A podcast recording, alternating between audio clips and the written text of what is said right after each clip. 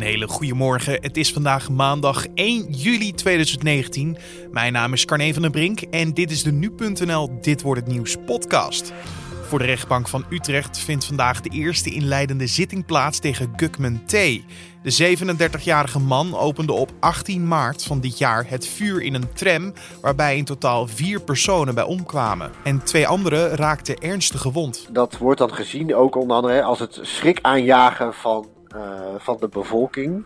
En dat valt onder terrorisme. Je hoorde de rechtbankverslaggever van nu.nl, Joris Peters. Met hem gaan we straks verder praten over deze zaak. Maar eerst kijken we naar het belangrijkste nieuws van nu. De EU-top over de verdeling van de posities in de Europese top is zondagavond rond 11 uur geschorst. De besprekingen waren vastgelopen. De huidige president van de Europese Unie, Donald Tusk, heeft aangekondigd gesprekken te gaan voeren met de verschillende regeringsleiders.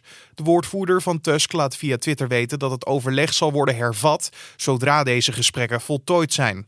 Er wordt al sinds eind mei na de Europese verkiezingen gesteggeld over de belangrijkste positie binnen de Europese Commissie want het is namelijk een ingewikkelde puzzel. De kandidaat wordt officieel voorgedragen door de Europese regeringsleiders, maar moet nog wel worden goedgekeurd door het Europees Parlement. Een van de kanshebbers voor de positie is de Nederlander Frans Timmermans. Slechts zes van de honderden meldingen die er zijn gedaan over fysiek, seksueel en psychisch geweld in de jeugdzorg kunnen resulteren in een aangifte.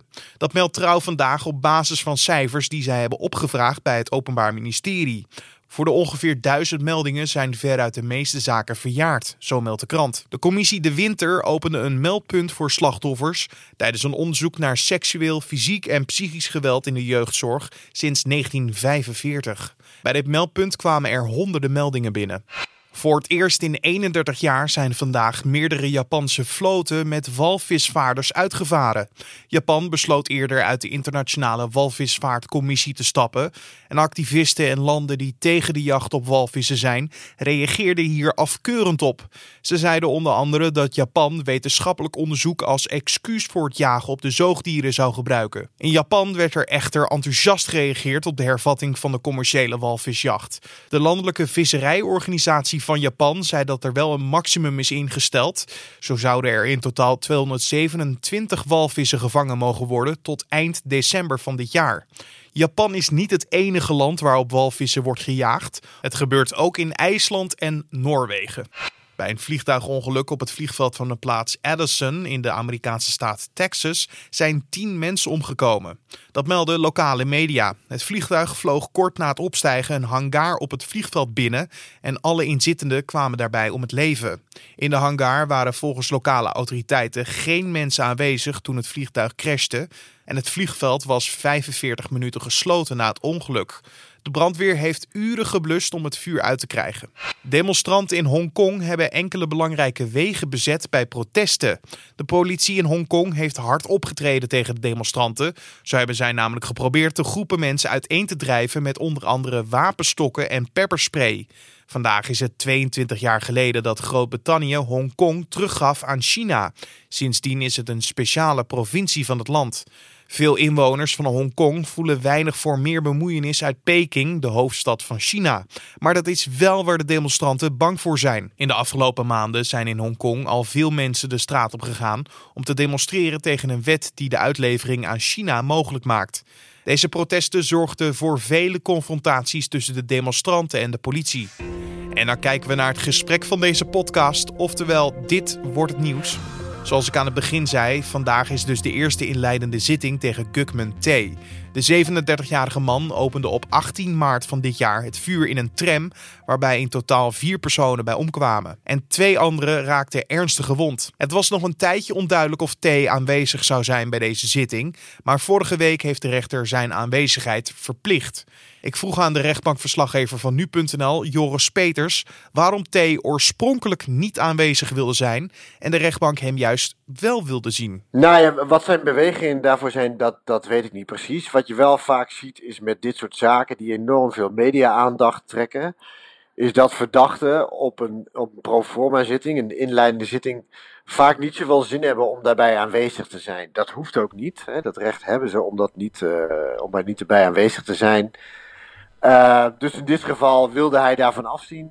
alleen de rechter heeft daar anders op besloten. Je kan ehm, een bevel van medebrenging kun je dan uitvaardigen. En dat betekent dat hij gewoon toch aanwezig moet zijn op de zitting.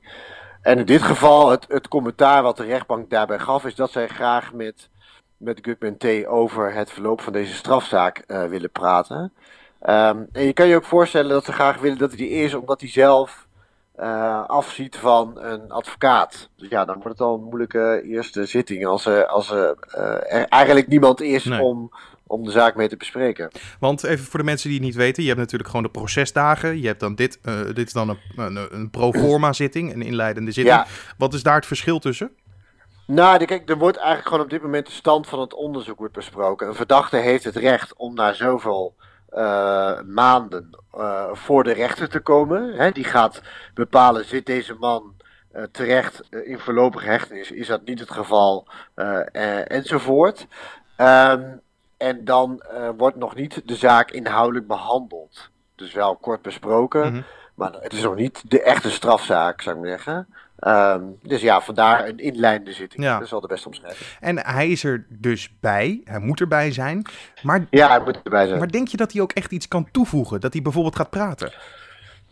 Ja, daar ben ik zelf ook wel benieuwd naar. Hè? Hij heeft vrij snel, heeft hij, na zijn aanhanger, heeft hij bekend uh, dat hij dit heeft gedaan. Um, maar en wat, wat is nou precies de beweging om geen advocaat te nemen? Dus hij wil dan zijn eigen verdediging gaan voeren. Is, is hij gewoon. Weet je, heeft hij zoiets van: ja, jongens, ik heb het allemaal gedaan. Sluit me maar op. Ik heb geen advocaat nodig. Dat, dat zijn allemaal vragen die nog beantwoord moeten worden. Dus ik ben inderdaad benieuwd wat hij daar zelf over gaat zeggen. Ja, want hij heeft al eerder bekend dat hij verantwoordelijk is voor deze, uh, voor deze schietpartij. En ook ja. dat hij mogelijk alleen handelde.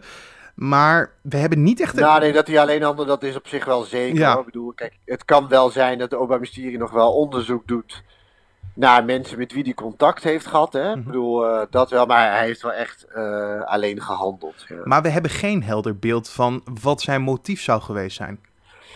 Nee, het, nou, het Openbaar Ministerie gaat het vooralsnog uit van een terroristisch motief. Dat komt onder andere door een briefje dat ze hebben gevonden in, uh, in een vluchtauto die door hem is gebruikt. En uit die tekst zou op te maken zijn dat hij met een terroristisch motief heeft gehandeld. Ik, misschien dat we daar uh, vandaag wel meer over te horen krijgen, hè, wat er dan in dat briefje stond. Um, maar voorlopig, ja, en ook, dat is ook wel belangrijk, de manier waarop, hè, de, de, de, de kijk, die, deze man is willekeurig een tram ingestapt en is om zich heen gaan schieten. En dat is dus niet een gerichte actie tegen iemand.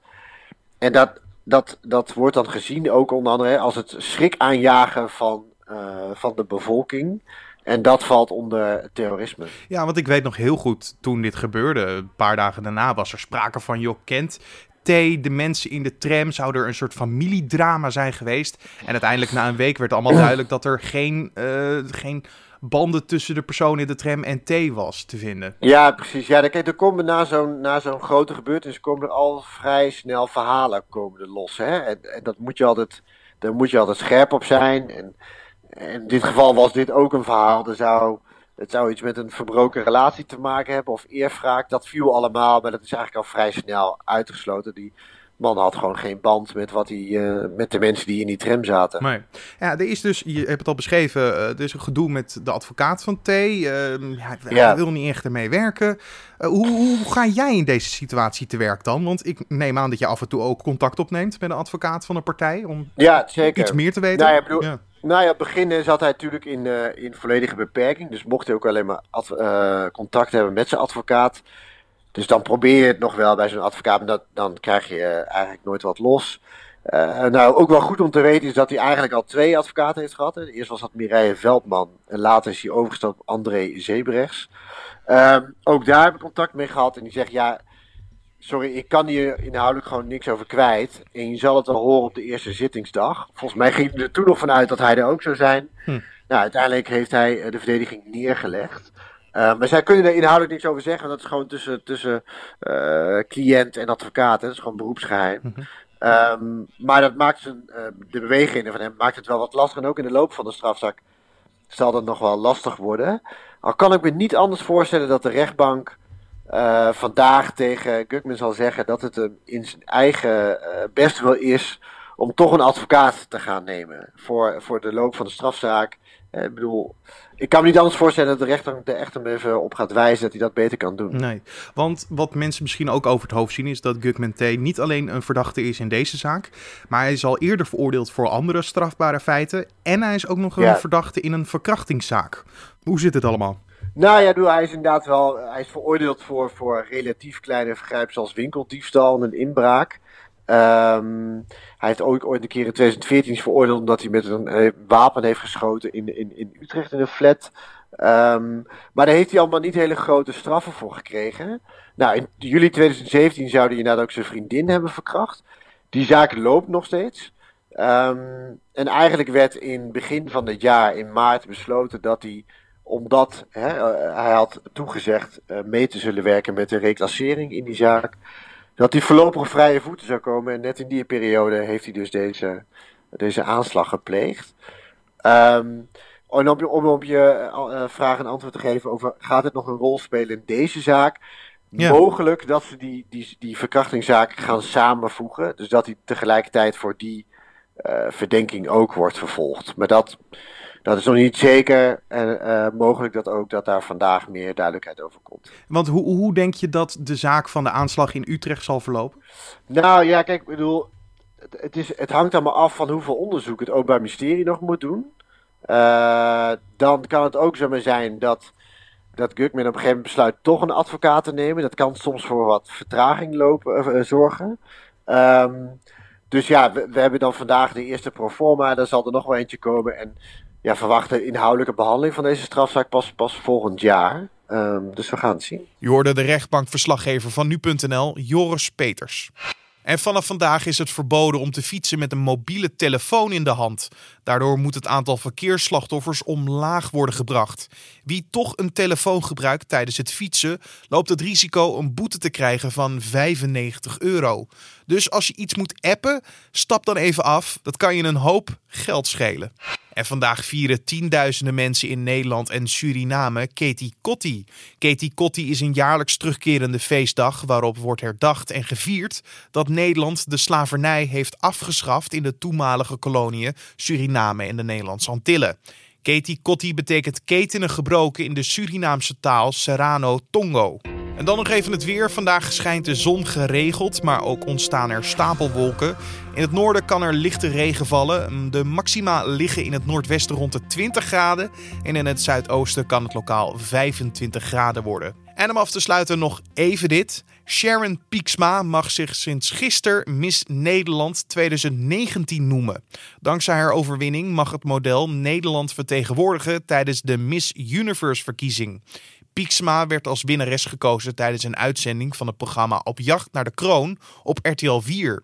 Ze liet hiermee negen andere finalisten achter zich. En de 24-jarige Rotterdamse beleefde haar doorbraak als model in 2013 toen ze meedeed aan Holland's Next Topmodel. Volgens de traditie van het evenement ontving Pieksma de titel en bijhorende kroon uit de handen van de winnares van vorig jaar. Pieksma wil zich naar eigen zeggen inzetten voor mens, dier en natuur en hoopt bij te dragen aan de strijd tussen vervuiling door plastic. Dat lijkt me een nobel streven. En dit was dan de Dit wordt het nieuws podcast voor deze eerste van juli. Je vindt de podcast natuurlijk elke maandag tot en met vrijdag om 6 uur ochtends op de voorpagina van nu.nl. Als je nog niet geabonneerd bent op deze podcast in je favoriete podcast-app, doe dat dan. Dat is volledig gratis. En zo krijg je wel gewoon elke ochtend een melding als er een nieuwe podcast online staat.